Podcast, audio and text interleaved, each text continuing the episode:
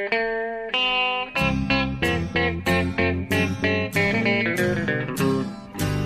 out there, we're on the air. It's hockey night tonight. Tension grows, the whistle blows, and the puck goes down the ice.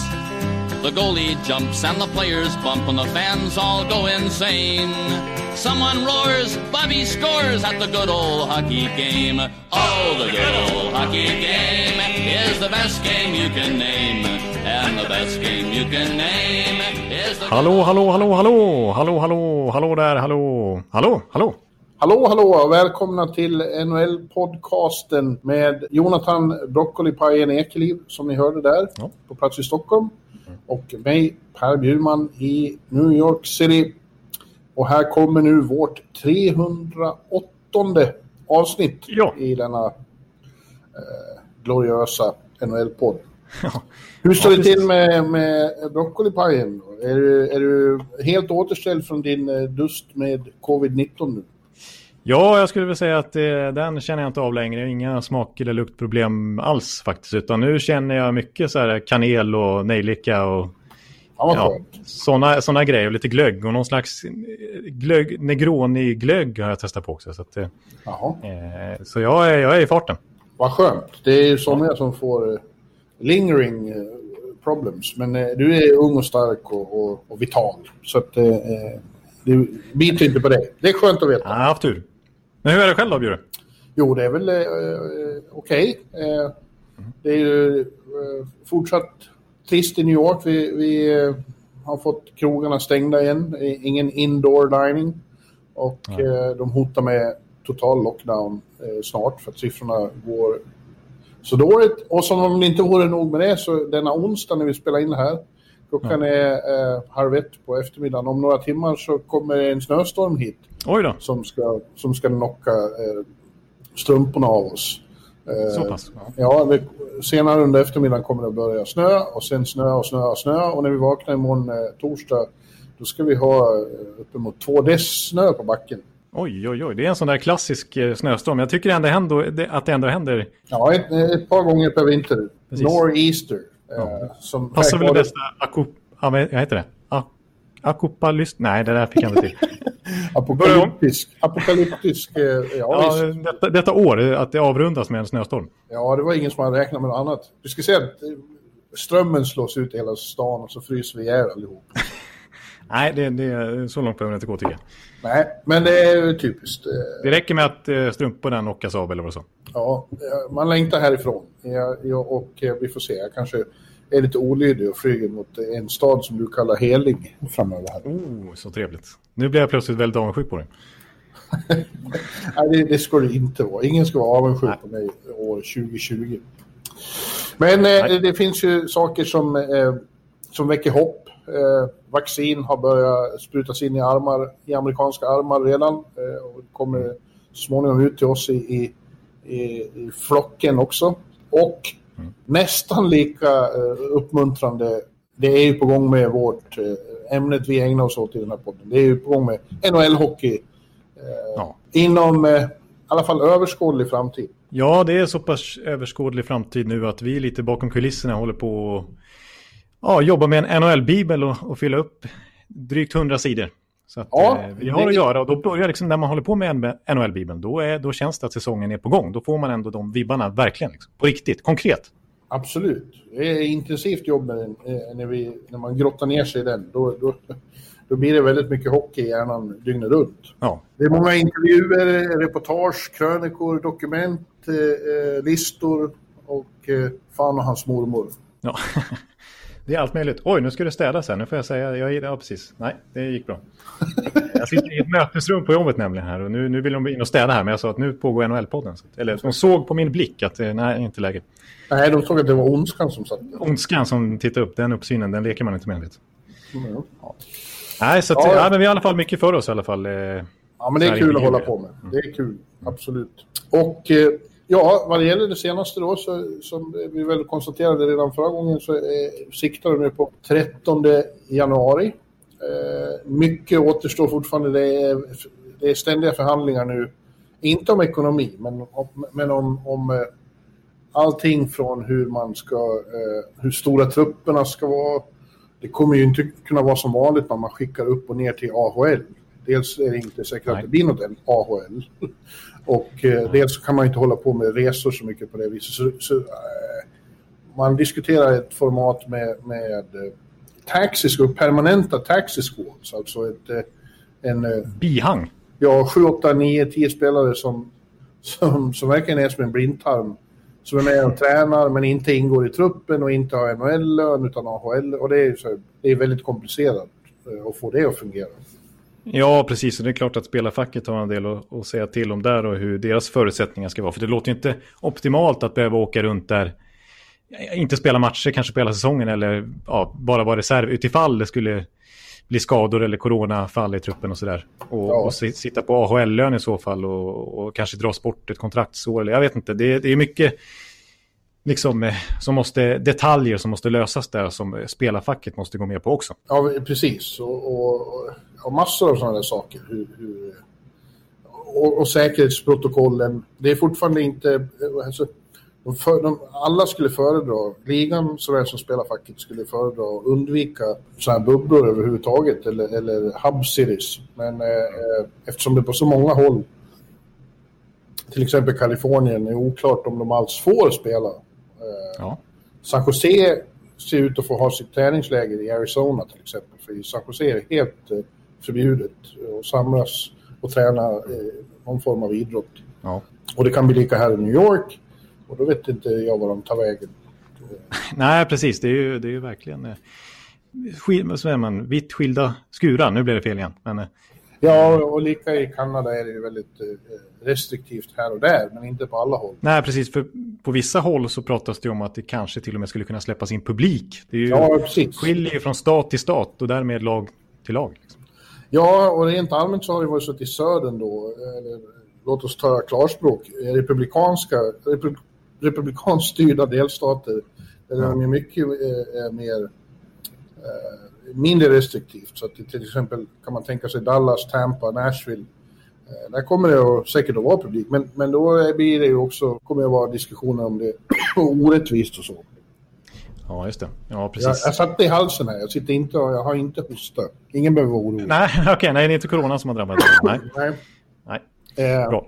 Men eh, det är i alla fall så nu att eh, fler och fler spelare kommer inflygande från världen eh, för de behöver sätta sig i karantän i olika städer. Eh, och, mm. och eh, snart är det ju jul som bekant och därefter är det väl tänkt att, att camperna ska börja då. Jag lyckas nog se ihop det här den här veckan som är målet.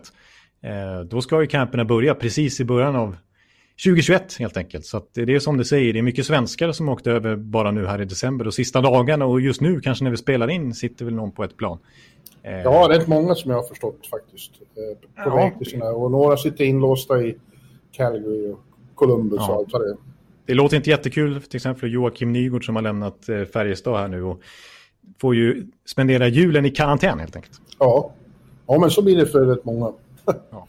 Ja. Det är hårda bud. Och ja, ni, alla har läst och sett om hur JVM-laget har det. Det är det som gäller om man åker till Alberta i Kanada just nu. Alberta. Ja, exakt. Alberta, ja. ja. precis. Det är där. Edmonton ligger också, så det är samma förutsättningar. Det stämmer. Ja. ja det, är mycket... det är Alberta. ja. Nej, men, eh, men jag vill bara klargöra, precis som du sa där och i förbifarten, eh, vilket vi pratade om mycket senast vi spelade en podd, det har gått ungefär två veckor sedan dess.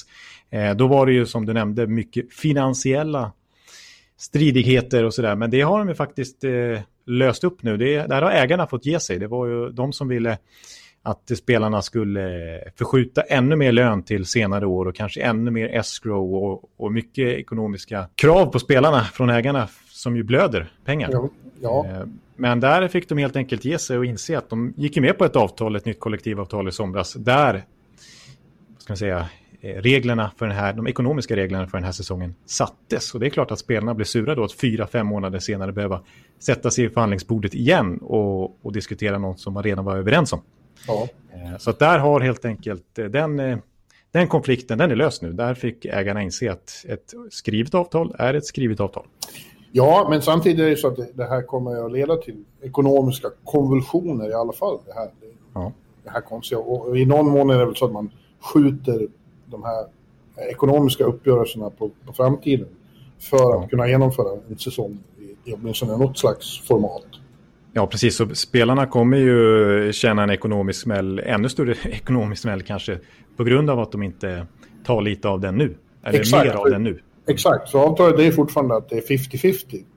Mm. Och, och sjunker intäkterna kraftigt så kommer de ju få lämna från sig mer av lönen i framtiden. Precis, för eh, det vi ska inte gå in på allt det och det har vi gjort många gånger förut hur det funkar med escrow och så vidare. Men trots att det står i, i ja, vad ska vi säga, Erik Karlssons kontrakt att han tjänar 11,5 miljoner dollar per säsong så, så innebär det ju nödvändigtvis inte att han får ut den summan. Dels på grund av skatter naturligtvis, men också den här escrow-summan som spelarna måste lämna ifrån sig för att det i slutändan ska bli 50-50 till ägarna och till spelarna när en säsong sammanfattas. Ja, och, och, och som sagt, det, det, den escrowen kan bli väldigt saftig nu eftersom de eh, ja, ja valde det... inte gå med på, på ägarnas krav nu.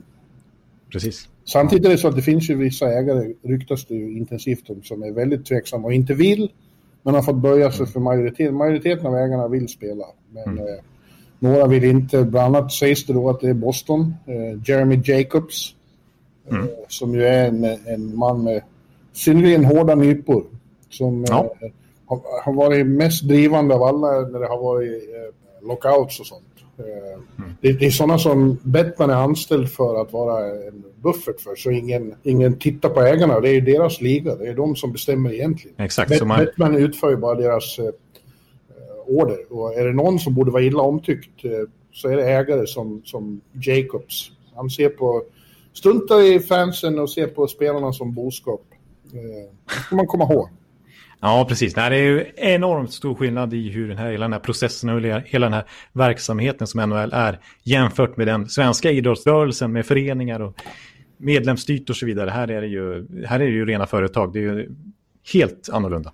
Ja, och eh, det är också hyckleri ofta av spelarna för att när det blir konflikter då, då skäller de på Batman men vågar aldrig säga ett ont ord om sina egna ägare. Det är fortfarande Mr Jacobs när det ska pratas om ägaren och Mr Illich i Detroit och Mr Goddamn. Ja, nej, nu ska, nu ska jag inte säga något så jag blir osams med Nej, nu, nu gör du lite som spelare. Spelarna här och håller dig på god fot. Ja, ja, ja. Ja, ja jag tycker det är... Du gillar Jacobs? Du har inga problem med han? Jo, det har jag verkligen. okay, ja. ja, inte för att det är någon annan ägare som, som jag är särskilt imponerad av heller. Men han står ut som ett särskilt eh, alarmerande exempel. Ja.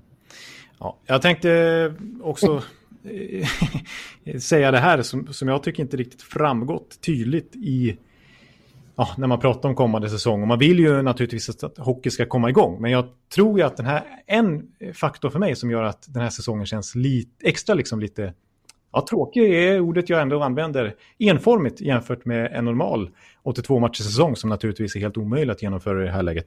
Men det är ju just det här med att eh, man kommer ju förmodligen under hela grundserien, hur lång den nu blir, kanske 56 matcher verkar ju vara målbilden just nu om man kommer igång 13 januari. Eh, är ju att man möter ju kanske bara sju lag under hela grundserien. Man möter de lagen i sin egen division. Ja. Och det kommer alltså bli fyra nya divisioner som vi var inne på för två veckor sedan. Ja. En, hel, en hel kanadensisk och tre nya amerikanska. Ja, ja men så blir det ju. Och det, det kommer inte alls vara som vanligt. Det, det, så är det ju. Men, men eh, mitt mantra hela det här året eh, när det har hänt saker är att någonting är bättre än ingenting. Ja, precis. Men det innebär ju då kanske att, eh, för att göra det här konkret, att, och också för att minimera resandet då, så pratas det om att kanske, ja men vi säger att eh, eh, San Jose ska möta Arizona, säger vi. Ja. Eh, att man då passar på att möta dem tre gånger i rad. Ja, det blir som basebollen. Ja. Den säsongen är ju så lång i vanliga fall. Så då ja. gör man ju som, som en serie av, mitt, mitt under grundserien så blir det en serie i serie. Eh, mm. Red Sox kommer till New York för att spela mot Yankees och då spelar man fyra matcher på en gång. Ja, ja precis. Så det, ibland, det är den modellen man tittar lite på. Mm. Där spelar man ju dessutom ibland två matcher samma dag. Det kommer inte bli aktuellt. Nej, det kommer inte hända i alla fall. nej, nej, precis. Och det pratas om att eh, det ska vara mycket tydligare kring, om man kommer som bortalag till, till en motståndararena, att hemmalaget då ansvarar för att ett spelarhotell är speciellt tillägnat bortalagen under hela säsongen. Där det är lite så här bubbelföreskrifter att mm. hotellpersonalen där måste vara extremt noga med städning och ja, eh, sådär liksom. Så det kommer ju vara ganska, även om det inte blir bubblor den här gången kanske, det kan bli det fortfarande. Men så kommer det vara ganska restriktivt. Ja, alltså, såklart. Det kommer inte vara eh, på sina håll stenhårt till och med. Ja, ja precis. Och, det blir och, verkligen en annorlunda säsong. San om man, om, om, Eftersom du nämnde San Jose Arizona, det kan vara hemmamatch för båda två. Då. ja, visserligen. Det kanske ett dumt exempel. Då, men jag vill bara klargöra det om man kanske mot förmodan inte har tänkt den tanken, men att det kommer bli en väldigt speciell och annorlunda säsong och inte alls den typen som vi är vana med. Nej, det finns ju ett förslag på en eh, divisionsindelning nu. Eh, mm. Där som sagt eh, sju lag i Kanada och aldrig kommer att resa över gränsen. De kommer aldrig att möta mm. USA. Eh, lag. Och sen har vi en, en eh, vad ska vi kalla den? Eh, nordöst. En mm. sydöst och en väst. Och, och, det är omöjligt att dela in det här rättvist. Framförallt så var det väl enligt det här förslaget eh, St. Louis som hamnar taskigast till. Ja, de hamnar väl med västlagen så att de måste ja, åka till eh, Kalifornien titt som tätt. Ja, precis. Medan Minnesota då får vara kvar i, i, i något som är central typ. Ja, efter att ha bråkat lite för sin sak också verkar det som. För ja. Enligt vissa skisser var det Minnesota som skulle behöva åka västerut. Men eh, det låter som att eh, Craig Leipold heter väl deras ägare. Att han har eh, eh fightats lite för att eh, få kortare resor helt enkelt. Ja. Jag hör för övrigt mycket eh, muller om att Minnesota kommer att bli riktigt bra. Eh, det är du som har haft rätt när du har pratat om dem eh, lite löst här tidigare. Ja, kanske, kanske, jag tror inte de blir fjalla bra, men de blir ju de blir ändå de blir, de blir bra. Ja, någon jag pratade med nyligen som har, har följt just Fiala under, under sommaren ja. varnade för att han kommer få sitt stora, stora genombrott. Han är fantastiskt slag. Ja, Okej, okay, du säger så pass. Ja. ja. han avslutade ju förra säsongen otroligt bra. Lite under raden eftersom att Minnesota är ett lag som inte får mest uppmärksamhet. Men Kevin Fiala sprang iväg och vann interna poängligan. Gjorde ju faktiskt 54 poäng förra rumphuggna säsongen. Så att, ja, alltså, han kan bli en point per game nu. Nu är det en klassspelare vi pratar om det. Ja, och så kommer din ryske favorit Kaprizov in. Jajamän. Kirill Kaprizov, dubbel... Kaprizov? Re... Kaprizov. Ja, jag ska, när det kommer till uttal så vet jag att jag har noll liksom, mandat att uttrycka mig. Men eh, jag skulle säga Caprizo. Regerande... Det låter coolare än Caprizo. Det får hålla Ja, det, det måste jag säga. Ja. Regerande skytteligavinnare två år i rad i KHL. Då, så det, det... Du tror att det är. Panarin som kommer? Ja, det... ja, alltså jag har inte... Ja. Nej, men jag tror kanske inte Panarin, men det blir ingen sån här stripparshow flopp, utan det här kommer bli en... en, en, en eh, ja, jag, får lite Tarasenko-vibbar kanske. Ja, Ja, det är inte alltså, den typen av spelare. Mm. Som å sin sida eh, inte ser ut att kunna spela alls.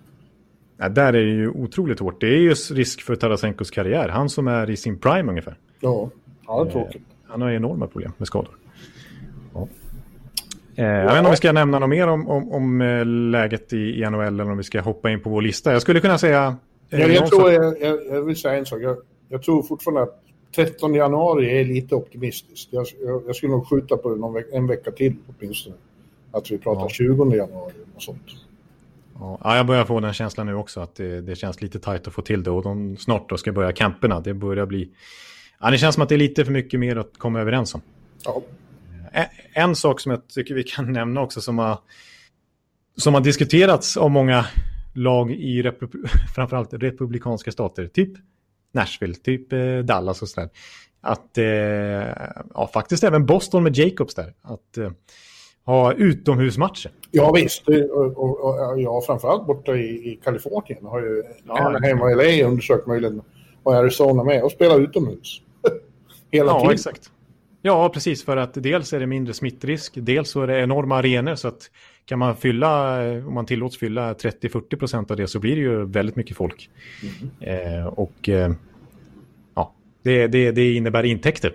Ja. Men eh, ja, sen kostar det mycket pengar har man förstått också. Det, är inte, det går inte att köpa liksom en specialformad eh, hockeyis med sarg och så vidare till en utomhusanläggning eh, på Clas Olsson. Utan det, den, den tar, det är liksom ett, ett Winter Classic är inte ett enkelt projekt utan det finns en anledning till att det är ett begränsat antal utomhusmatcher per år för att det är ett stort projekt. Ja. Så det är nog lättare sagt än gjort. Ja, men eh, varför inte? Eh, Nej, precis. Det är ju, eh, vad heter det? Eh, nöden är eh, uppfinningarnas moder, eller vad heter det? Ja, det är som sagt.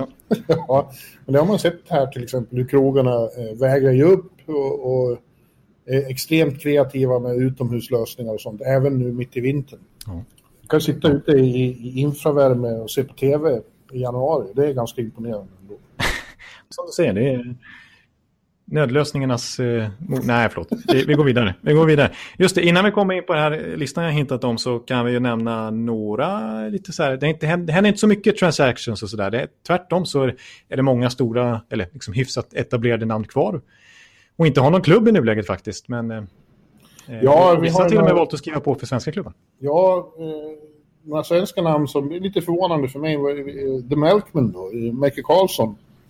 Mm. Eh, som inte fick något nytt kontrakt av San Jose. Jag var övertygad om att det skulle gå ganska lätt för honom att hitta ett, ett, ett, ett lag som vill ha en rollspelare eh, längre ner i, i, i kedjehierarkin.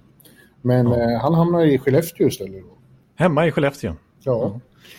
Nej, precis. Söderberg har inte heller fått någon ny klubb. Jag vet inte vad som händer med honom. Det är lika där. Det borde vara ganska enkelt tycker jag, för att få in honom någonstans. Ja, precis. Visst. Söderberg är ju 35 nu, eh, men han gjorde ju en bra säsong i fjol i Arizona. Över 30 poäng kom han väl, eh, trots att säsongen förkortades. Och dessförinnan eh, i Colorado för två år sedan så gjorde han ju upp mot 50 poäng. Så att han är inte tvärt på nedgång liksom, utan det är fortfarande en... en och framförallt så har han ju blivit en bra... Alltså när han var i SHL, när man kände honom på den tiden, så var det ju en renodlad offensiv spelare. Men han har blivit en väldigt duktig defensiv rollspelare. Mm. Som dessutom kan chippa in framåt. Så det känns som att han skulle ta plats i ganska många lag.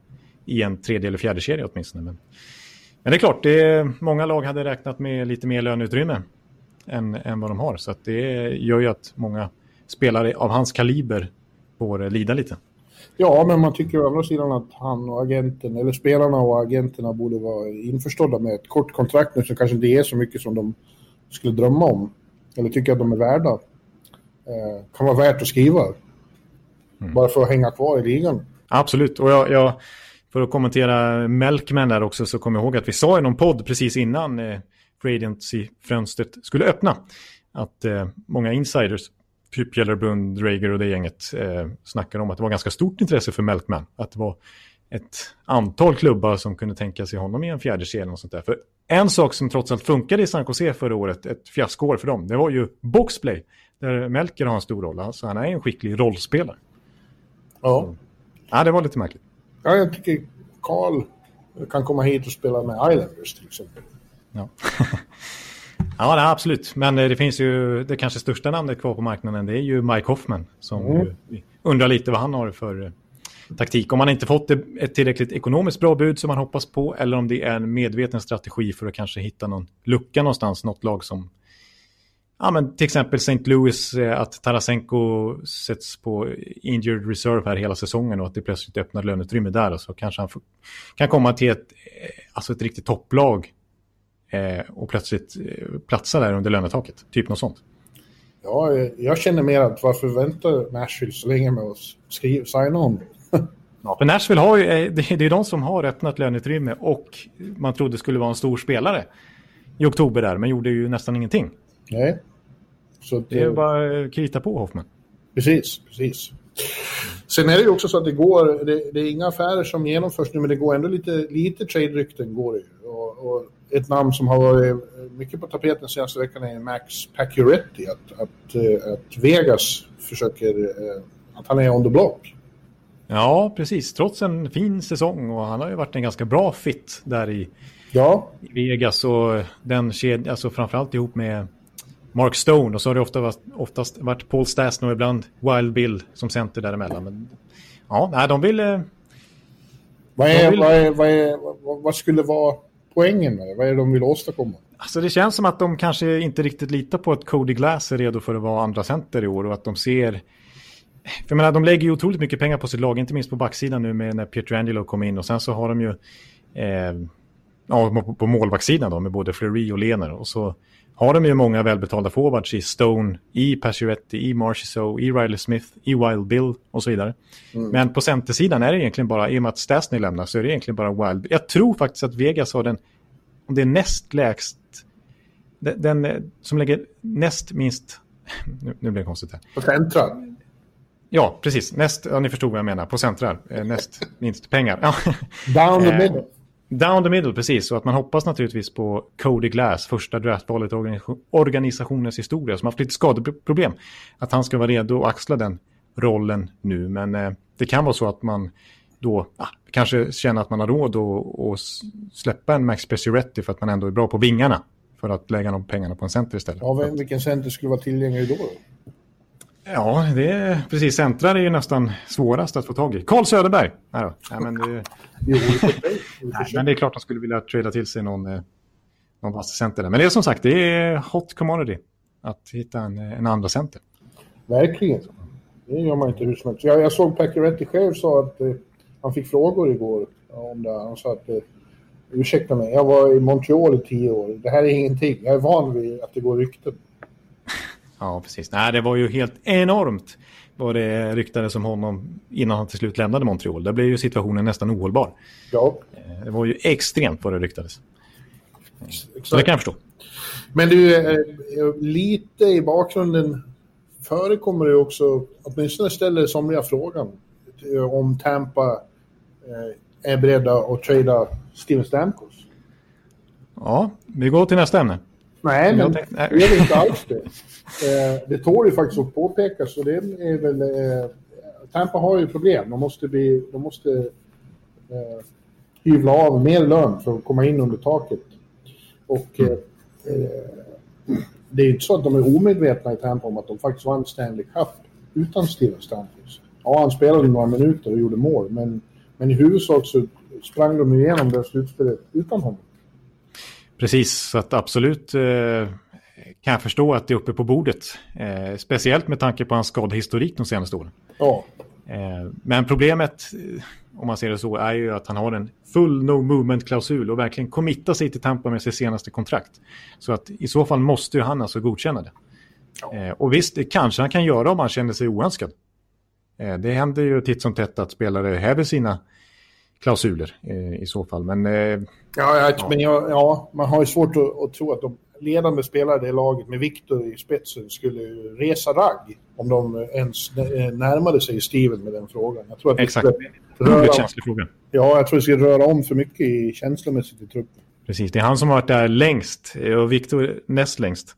Eh, och Stamkos var ju nere i omklädningsrummet och höll brandtal under slutspelet så att han, ja, han, han var ju fortfarande kapten. Liksom. Extremt omtyckt och just Viktor, han är ju väldigt nära vänner. Eh, Sampos var på bröllopet i Övik och så. Mm. Mm. Då, ja, skulle du, då skulle jag varit där med autografblocket, ja. Jonte. ja, det skulle jag faktiskt ha varit. ja. Ja. Nej, men det, det, det är klart det är svårt. Men det, det är som du säger, rent krasst om de, de vann Stanley Cup utan honom. Och det skulle öppna upp 8 miljo, drygt 8 miljoner dollar i, i löneutrymme. Så att, eh, och då skulle man få plats med ett antal pusselbitar där. Så att, eh, på det viset så är det ju logiskt att eh, spekulationerna finns. Sen vill jag nämna också alltså andra stora spelare som är restricted free agent som inte har skrivit på än. Vi har Matt Barzal till exempel i Islanders. Vi har Pierre-Luc Dubois i Columbus. Så det är, det är fortfarande vissa stora saker som ska hända innan de kan droppa pucken. Då kokar han tårtan. Han tycker att hans, de spelare han gillar, de ska skriva på direkt. Vad ska de hålla på och tramsa om? Ja, exakt. Nu tramsas det för mycket av Dubai tycker jag. Men jag, jag, kan förstå att eh, så, så bra som han var i bubblan, att han vill ha betalt. Ja, men eh, alla inblandade måste inse att det är, eh, det är 2020 och 2021 nu. Det är inte så enkelt. Nej. Du, eh, innan vi går, vi har en liten lista som vi ska eh, pigga upp oss med. Men innan, mm. eh, en sak som slog mig, man får ju nu börja så Hockey News har kommit med, med sin yearbook och, och den har jag i och för sig inte fått tag i, men jag fick tag i uh, den ultimata fantasyguiden. Ja, just det. Uh, uh, bara det känns ju som att då börjar det bli dags för hockey igen. Ja. Men det innebär också att man måste börja fundera och spekulera på hur man tror det går. Jag ska inte avkräva dig något eh, bestämt tips än.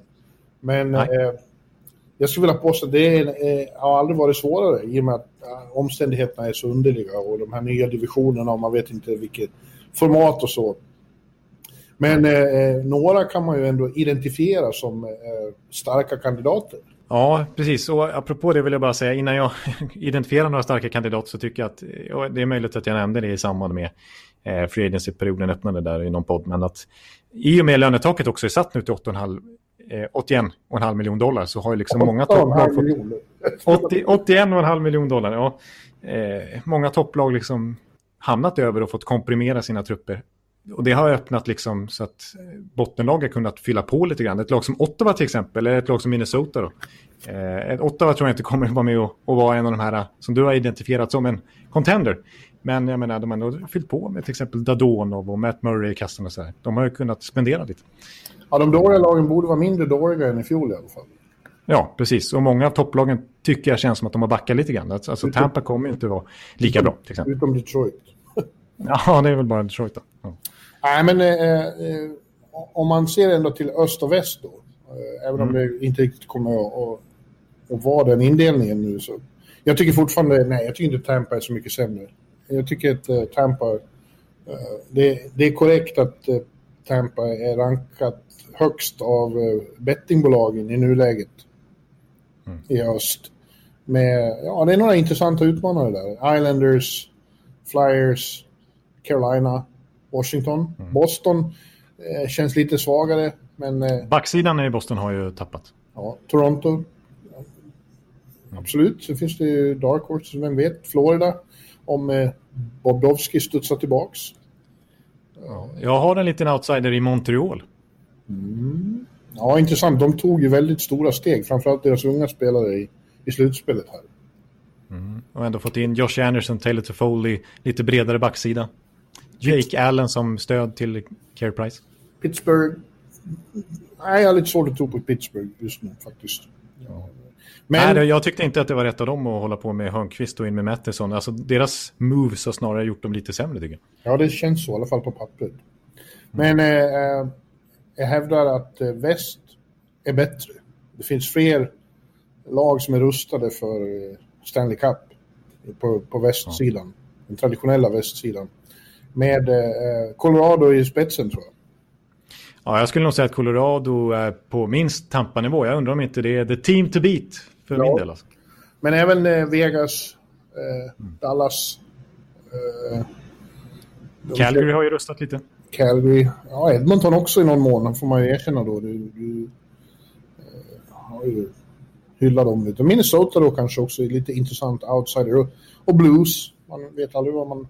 De, är alltid svåra att slå.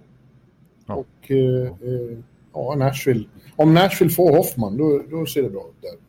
ja, precis. Om de lyckas eh, utnyttja sitt löneutrymme där eh, på ett bra sätt. För det, det handlar ju inte om att de, man kan tro att ja, de kanske sparar in pengar, men det, det, de verkar ha budget att kunna spendera mot lönetaket. Så att det kommer nog värvas där. Och det kan förändra dynamiken lite grann i hur man ser på du har i alla fall börjat få mina första sms om vilka som vinner, vilka som möts i Stanley Cup-finalen av mig. Ja, det har börjat trilla in det, så jag är väl uppe i alla fall några, ja, några stycken tror jag. I alla fall ett vet jag. Det brukar bli 20-30 stycken innan säsongen är över. ja. Så ja, det jag slår fast, de slår dem i Stanley Cup-finalen. Ja, precis. Det senaste jag fick i alla fall, det var att Colorado just slår Tampa i final. Ja, jag tror det var det första jag skickat. Ja, det var nog kanske... Det var, jag, jag tror att det kom något direkt i oktober också. Kom ihåg det kanske... mitt, mitt första eh, förslag eh, är att Colorado slår Tampa i finalen. Ja, ja och kommer ihåg förra året? Du, du var ju rätt ute. Du sa ju Tampa Dallas i september. Ja, i Bibeln sa jag det i alla fall. Ja, ja precis. Så eh, man ska inte ta för lätt på dina... jo, det ska ja, Du verkar i form. Nej, eh, det har blivit fel oftare än det har blivit rätt. Det kan man då lugnt slå fast. Ja, ja, är samma här. Ja, men du, eh, ja, vi, vi spetsar till det här med eh, en lista som vi tänkte på dagen att eh, de fem bästa NHL-spelarna per nation, av de stora nationerna då, och så en, en Team Europe. Ja, precis. Ni kanske känner igen det här konceptet lite grann från i våras, men då var det mest historiska spelare vi nämnde. Nu tar vi nutida, de fem bästa från respektive stornation. Precis. Uh, ska vi... Var ska vi börja? Jag tror vi börjar lite bakifrån. Alltså, vi börjar med eh, Tjeckien. Oj, vilken skräll. Som, jag faktiskt inser nu att jag inte har gjort, men det löser vi ändå. Ja, men då, du, då får du höra vad jag säger då. Eh, jag blev chockad där måste jag säga, för att annars brukar ju kronologi och ordning och lite förutsägbarhet vara ja, men jag, poddens... Eh... Jag, jag tyckte vi skulle spara de hetaste nationerna till sist. Tjeckien, Team Europe, USA, Ryssland, Finland, Kanada, Sverige. Så gör vi. Oj, oj, spännande. Mm. eh... Ja. ja, det är dramaturgi det här vet du. Eh, Okej, okay, men Tjeckien, då har jag tagit i den här ordningen. Jag tycker det var ganska svårt för det är många... Eh, ettan är supergiven och sen tycker jag att det är ganska jämnt. Men ettan är naturligtvis Pasternacken. Yes. Palsternacken, ja. David Pasternak.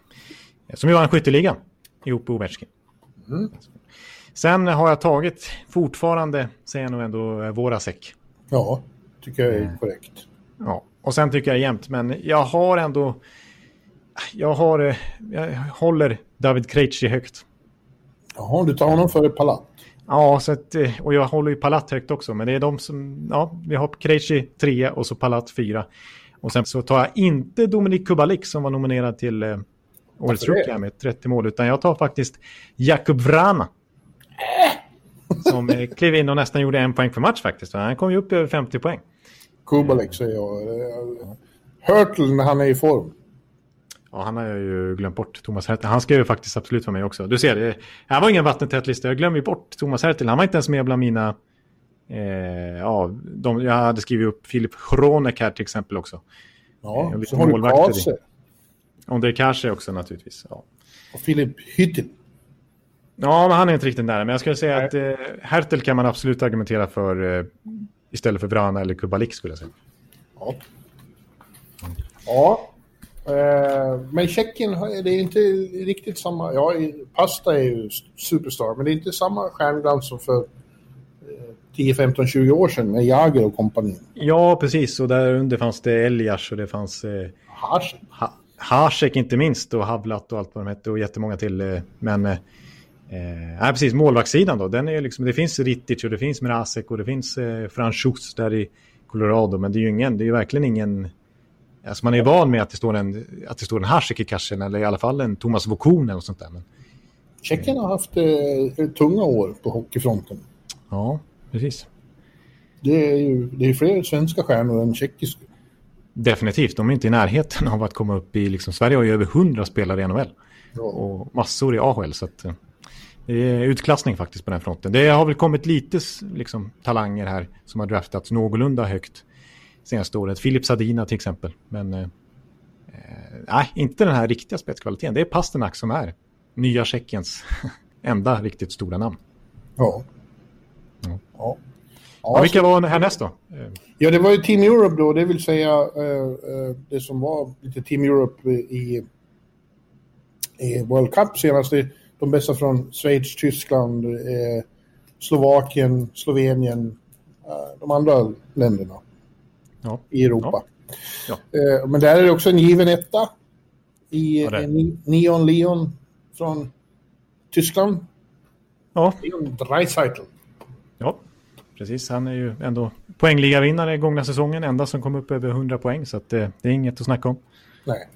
Och eh, bevisade att eh, han är sin egen man också. Inte bara ett komplement till Conor McDavid.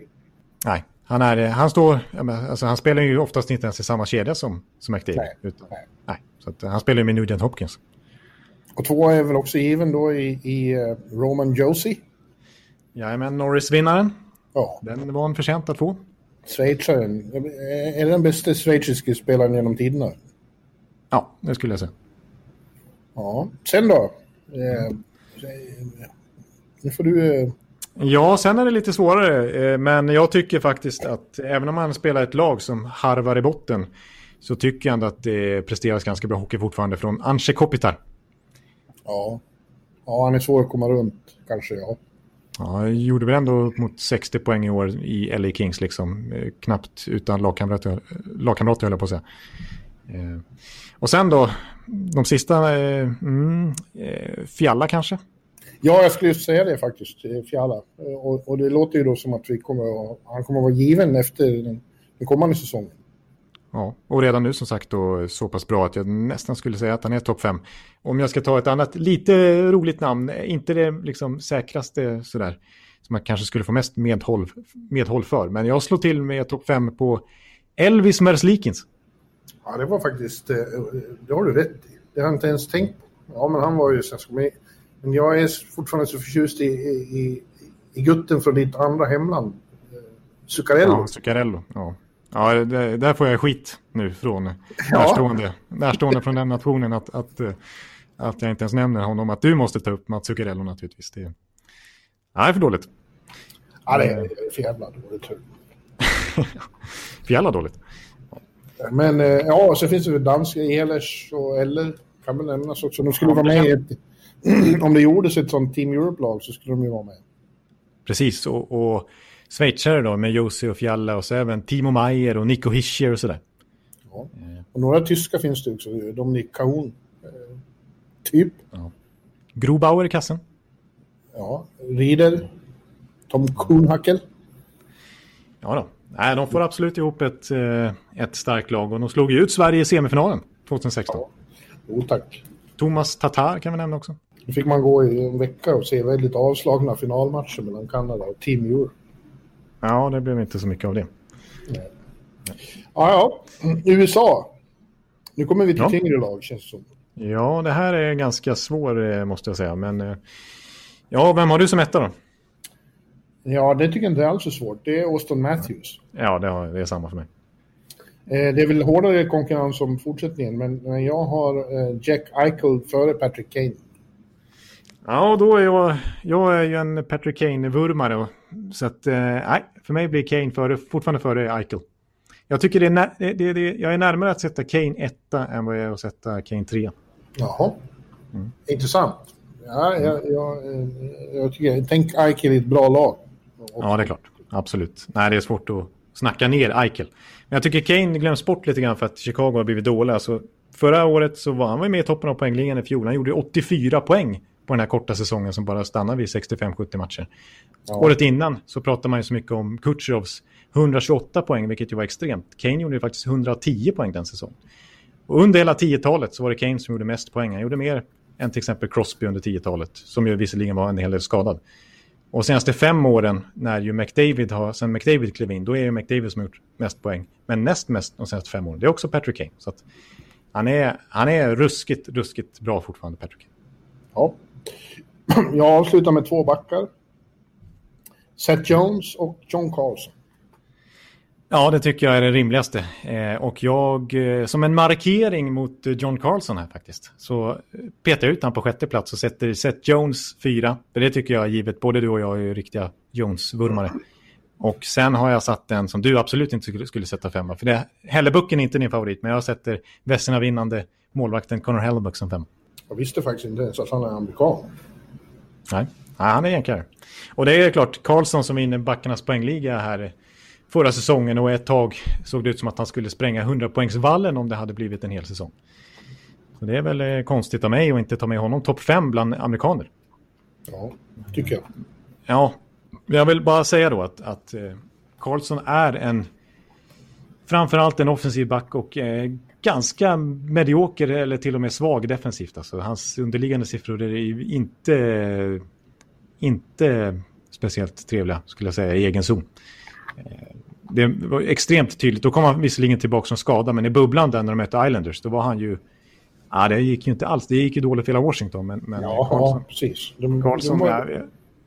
till, till, till, exempel när det kommer till skott från slottet, liksom, uppenbara målchanser så var han inne bara på åtta framåt, trots att han startar majoriteten av sina byten i offensiv zon. Och 21 bakåt.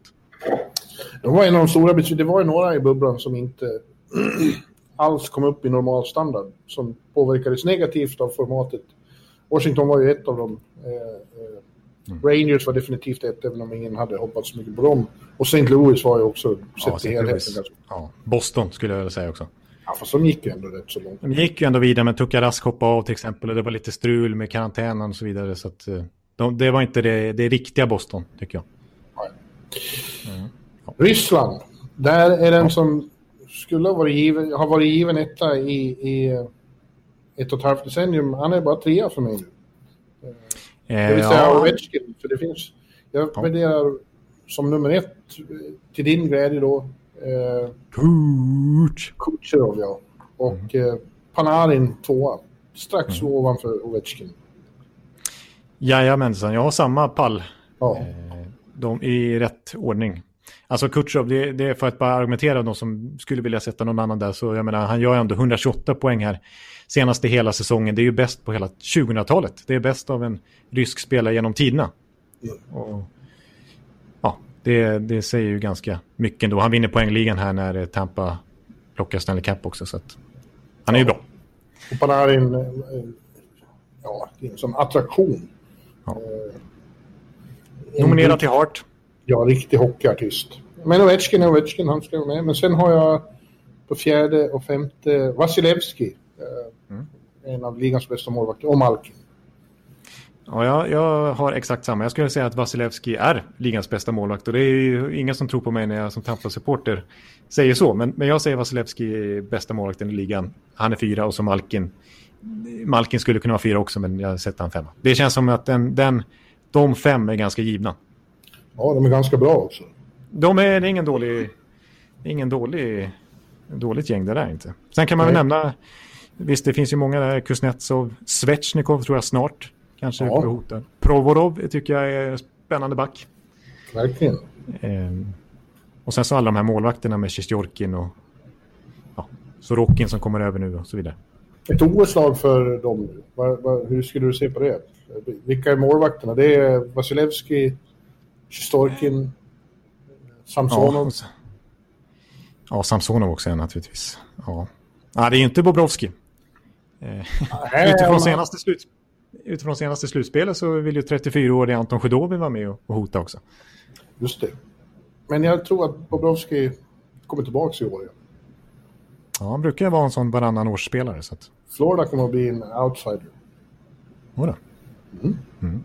Mm. Finland då? Nu kommer vi att reta upp eh, vår vän eh, Jarko. Jarko? Ja. Jarko. Så att, eh, det är väl hans eh, stora hjälte. Han faktiskt, åtminstone på min, lyckas ramla, ramla ut från eh, topp fem. Alltså, ja, han är sexa för mig också. Patrick Laine. Ja. Tyvärr, Jarko. Eh, eh, vi, vi ser fem stycken andra som bättre. Och jag har eh, Alexander Barkov som nummer ett. Samma här. Mm. Eh, Sebastian Aho som nummer två. Samma. Mm. Eh, Tuukka Rask som nummer tre. Jajamän. Mikko Rantanen som nummer fyra. Jajamän. Och eh, en som kommer vara mycket högre om några år, kanske nummer ett. Eh, Miro Heiskanen som nummer fem. Ja, det är ju otroligt, eh, otroligt stark kvintett det där med. Och, och då får helt enkelt inte Line plats, vilket man skulle kunna argumentera för att han, han borde göra. Dels kanske han har den högsta, högsta kapaciteten. Han har ju ett skott på Ovechkin-nivå i princip. Mm. Han, gjorde, han kom faktiskt tvåa i den finska poängligan i fjol. Han studsade tillbaka rätt rejält. Men... Eh, Nej, men han, har haft, jag... han har haft för många svackor för att man, man ska ja. känna sig övertygad om honom. Ja, precis. Alltså skulle man få, få bygga ett lag och få välja vilka spelare man vill, då skulle man ju välja Heiskanen, Rantanen, Rask, Aho eller Barkov före Line just nu, tror jag. Ja. Det skulle kännas ja. mer säkert. Ja. Eh, Kanada. Ja. Ja, här finns det att välja. Ja, det, det finns ju en annan spelare där, ja. ja. Men toppen är ju ändå ja, magnifik. Det är ju Conor McDavid och Nathan McKinnon. Ett och två. De är, tycker jag är givna. De är helt givna och faktum är ju så här. Alltså jag, för mig är McDavid nummer ett. Jag tvekar inte där. Men eh, The Hockey News i sin stora yearbook där eh, sägs det ju att McKinnon är rankad som nummer ett. Ja, man kan åtminstone säga att eh, avståndet mellan dem krymper hela tiden. när McDavid, eller när McKinnon är på sin högsta nivå så det är det är bara marginell skillnad, skulle jag vilja påstå. Ja, och så som han drar sitt lag framåt, alltså han får med sig hela laget på kanske ett lite annorlunda sätt än vad McDavid får. Ja. Mm. Intressant då. Sen har vi den som uh, har varit uh, the generational player under hela lönetagseran, Sidney Crosby. Ja. Han är ett halvt steg efter de där två, men det är fortfarande en komplett fantastisk hockeyspel. Ja, precis. Som inte ska försummas bara för att han inte är nummer ett längre. Han är ju fortfarande fantastisk. Ja. Men sen då? Sen eh, kan, det, kan man välja, och, välja och vraka rätt ordentligt. Ja, och sen är det väl 15 namn som man kan, man kan argumentera för ungefär. Ja, jag slänger in uh, Patrice Bergeron. Jajamän, jag har Bergeron som fyra också. Ja, och sen ser jag att jag har glömt att nämna en femma. ja, okej. Okay. Det är väl bara att ta. Få höra då. Ja, jag sätter ju då, och det här är ju, kan ni lista ut själva, men jag sätter ju Braden Point. Ja, ja. ja jag har inga argument mot. Det är Nej. korrekt. Ja. Eh, men som sagt, det finns en annan. Alltså Brad Marchand skulle man kunna nämna. Eh, Ryan O'Reilly är en stor favorit för mig. Mm. Eh, ja, Tavares, Stamkos, Scheifly, alltså man kan fortsätta hur länge som helst. Carey Price. Ja, Carey Price eh, om något år eller två så kanske Carter Hart är där uppe och är nya. Där Carey Price var för några år sedan. Mm. Däremot tycker jag så här på backsidan, visst det finns många bra eh, kanadensiska backar. Och, och, fler på gång i en sån som Cale McCarr till exempel. Dogge ja, Hamilton som var så bra förra säsongen innan skadan. Men, men de här som absolut hade varit med och konkurrerat topp 5 för några år sedan, typ Drew Doughty, eh, Brent Burns, Eh, nej, de är inte så högt upp längre tycker jag. Inte lika högt i alla fall. Ja. Nej, de är inte det. De är inte nej. det. Inte, det är ett lit, litet generationsklapp där tycker jag mellan på backfronten. Liksom. Om man ska hitta någon svaghet hos Kanada. Så avslutar vi med eh, helt patriotiskt med Sverige då. Eh, ja, ja, precis. Sverige. Mm. Mm. Eh, det har skett vissa förskjutningar de senaste åren och eh, numera är det så att Victor Hedman är nummer ett vår, eh, en av de bästa backarna någonsin. Conn Smythe vinnare, och den tredje svensken i historien. Eh, Poängrekord för svenska backar här i slutspelet. Ja. Eh, superstar Monumentalen. Ja, och, och det här tycker jag faktiskt är... Alltså dels att han har fyra raka Norris-nomineringar, men det här inofficiella priset som spelarfacket har eh, till den, mest, den svåraste backen att möta. Mm. Ganska nytt pris. Det har ju Hedman vunnit två år i rad dessutom. Ja. Alltså då har motståndarna fått rösta. Ja, det, jag skulle inte vilja möta honom. Nej, nej. Så att, han är nummer ett i Sverige. Ja. Sen är det ju, sen kan man ha mycket diskussioner, men jag sätter Mika Zibanejad som nummer två.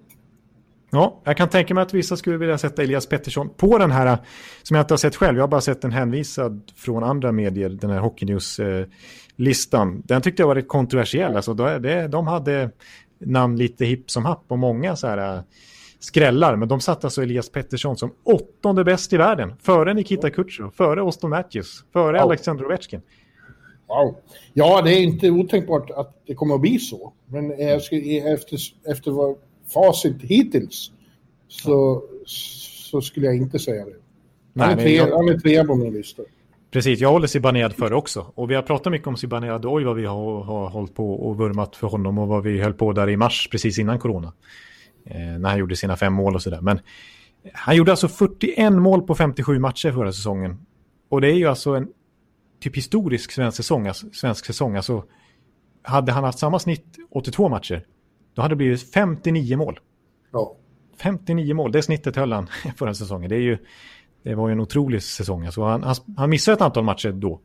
Eh, alltså för, för skada sådär. Så att han spelar ju jag tror han spelade 11 matcher färre än Elias Pettersson, men gjorde ändå 9 poäng fler. Så Zibanejad var ju verkligen, det var ju vissa som ville ha honom till MVP till och med. Hockeymässigt så var ju det det tristaste med, med pandemin, att, att uh, hans säsong blev avklippt. Ja, det skulle jag säga också med svenska ögon sett. Ja. ja. Ja, men Hedman, Zibanejad, Pettersson, där kan vi ju, de är ju given pall skulle jag säga. Ja. Sen har jag Erik Karlsson och Niklas Bäckström två mer veteraner. Eh, som jag tyck, fortfarande tycker håller hög klass. Precis, jag har exakt samma namn faktiskt. Eh, man eh, skulle kunna argumentera för Markström och Lehner som har gått och blivit bland ligans bästa målvakter. Mm. William Nylander, Filip Forsberg, Elias Lindholms poängsnitt sen han flyttade till Calgary är ju imponerande. Ja. Men äh, Bäckström är ju, är ju fortfarande en toppcenter och Erik Karlsson har ju sådana enorma krav på sig eftersom att han är ligans bäst betalda back. Men eh, Alltså skulle, han inte, skulle man liksom inte se det på det viset så skulle man vara rätt imponerad över 40 poäng som han gjorde i fjol. I ett lag som inte alls presterade. Ja, precis, alltså, och skadad. Och skadad dessutom. Så att, eh, han är ju fortfarande en av ligans bästa offensiva backar. Det ska bli jävligt intressant att se nu när han kommer tillbaka och verkligen är helt återställd. Ja, nu är tummen är läkt och ljumskarna är läkta och foten är läkt. Eh, ja. Det kan bli en stor comeback för Erik. Alltså senast man såg Erik Karlsson helt skadefri, då var han ju världens bästa back. Så att, ja. Han är ju bara 30 dessutom. Ja, han var världens bästa back när han spelade på en fot. Ja, ja han har ju dessutom klarat det. Så nu när andra, liksom hela kroppen har läkt, förhoppningsvis då som det verkar, så eh, nej, då, eh, det kan vara det väldigt positiva nyheter för San Jose dessutom. Ja. Den investeringen. Mm. Ja, men det kanske var hela... Det var väl det vi hade att bjuda på. Jag ser att det har tickat upp mot nästan en timme här. Då. Yes. Så eh, får vi väl se vad, när vi återkommer igen. Jag tror inte vi riktigt har startat säsongen. Nej, men det är nära förestående. Vi ska gå igenom lag och så. Ja, precis. Så det, kommer, det kommer väl peppras på med poddar ganska snart i alla fall. Men det, eh, det kanske blir lite tunnare här över julhelgen. Jag ska ju få besök från Norge dessutom i mellandagarna, så det ser jag fram emot. Ja. Ja. Men vi återkommer väl, alltså vi kan säga så här, det är 2021, då kör NHL-podden på som aldrig förr. Absolut. Så, så kör vi. Så kör vi. Till, så tills dess eh, tackar vi för oss och hoppas eh, att det här var trevligt. Ja, absolut. Och jag vet att jag brukar säga så här innan innan julpoddarna. Just det, så här, vi brukar ju ofta ha julrim och sånt där. Det brukar vara tradition en normal säsong. Eh, men eh, jag vill åtminstone hålla liv i en tradition och det är att du önskar våra lyssnare god jul. ja. Men, det, men det är en röst liksom. Det, det, det ger ju mycket mer än... än det, det, finns ingen trovärdighet när jag säger det, men när du säger det så, så får ju folk en god jul. Liksom. Men eh, ja, då ber jag att få önska... Äh, vänta nu, nu tar vi i här. Då ber jag att få önska NHL-podcastens kära lyssnare, en riktigt god jul. Jag fick ingen julklapp av dig, men jag räknar med att få en hus om du tar eh, och jul här med. Have yourself a merry little Christmas. Let your heart be light. Have yourself a merry little Christmas. Let your heart be